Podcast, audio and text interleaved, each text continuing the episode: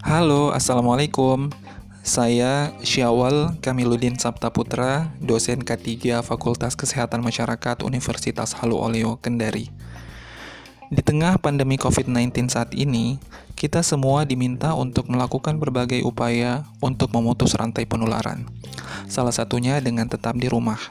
Stay at home, sehingga berbagai aktivitas kita lakukan di rumah. Bekerja di rumah, belajar di rumah, dan aktivitas lainnya di rumah. Meskipun demikian, kita tetap perlu memperhatikan aspek ergonomis, yaitu melakukan penyesuaian diri kita sebagai pekerja, lingkungan kerja, dan peralatan kerja.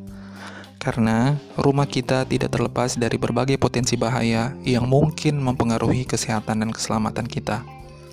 Saya akan berbagi tips tentang bekerja di rumah dengan pendekatan ergonomi dalam rangka untuk menjaga kesehatan serta kenyamanan dalam bekerja di rumah.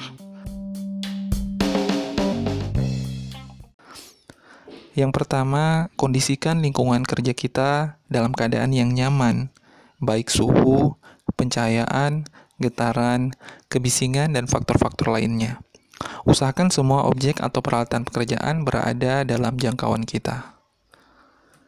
Tips yang kedua, sedapat mungkin kurangi penggunaan tekanan beban yang berlebihan. Maksimal beban untuk laki-laki sekali angkatan menurut WHO adalah 20 kg. Pada saat mengangkat beban yang berat, usahakan postur dalam keadaan baik untuk menghindari cedera otot maupun keluhan muskuloskeletal lainnya. Tips yang ketiga, kurangi tingkat kelelahan, kurangi pekerjaan yang pengulangannya berlebihan atau monoton, serta luangkan waktu untuk beristirahat untuk menjaga kualitas fisik dan psikis kita. Tips yang keempat, bagi Anda yang terbiasa bekerja dengan posisi duduk, misalnya menggunakan komputer, pada saat duduk, usahakan atur ketinggian kursi sehingga kaki dapat diletakkan di atas lantai dengan posisi yang datar. Jika diperlukan, gunakan footrest terutama bagi Anda yang memiliki tubuh yang mungil. Sesuaikan sandaran kursi sehingga punggung bawah ditopang dengan baik. Letakkan layar monitor kurang lebih sepanjang lengan kita dan pastikan letak monitor dan keyboard berada di tengah-tengah sumbu tubuh kita. Saat menggunakan keyboard, pergelangan tangan pada posisi yang netral atau tidak menekuk.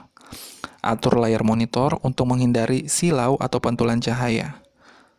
Sisipkan gerakan-gerakan stressing di sela-sela kita melakukan aktivitas di depan komputer. Tips yang terakhir, jangan lupa untuk melakukan aktivitas fisik minimal dengan berolahraga ringan di rumah makan makanan bergizi, menjaga kebersihan tubuh dan lingkungan, serta perilaku hidup bersih dan lainnya.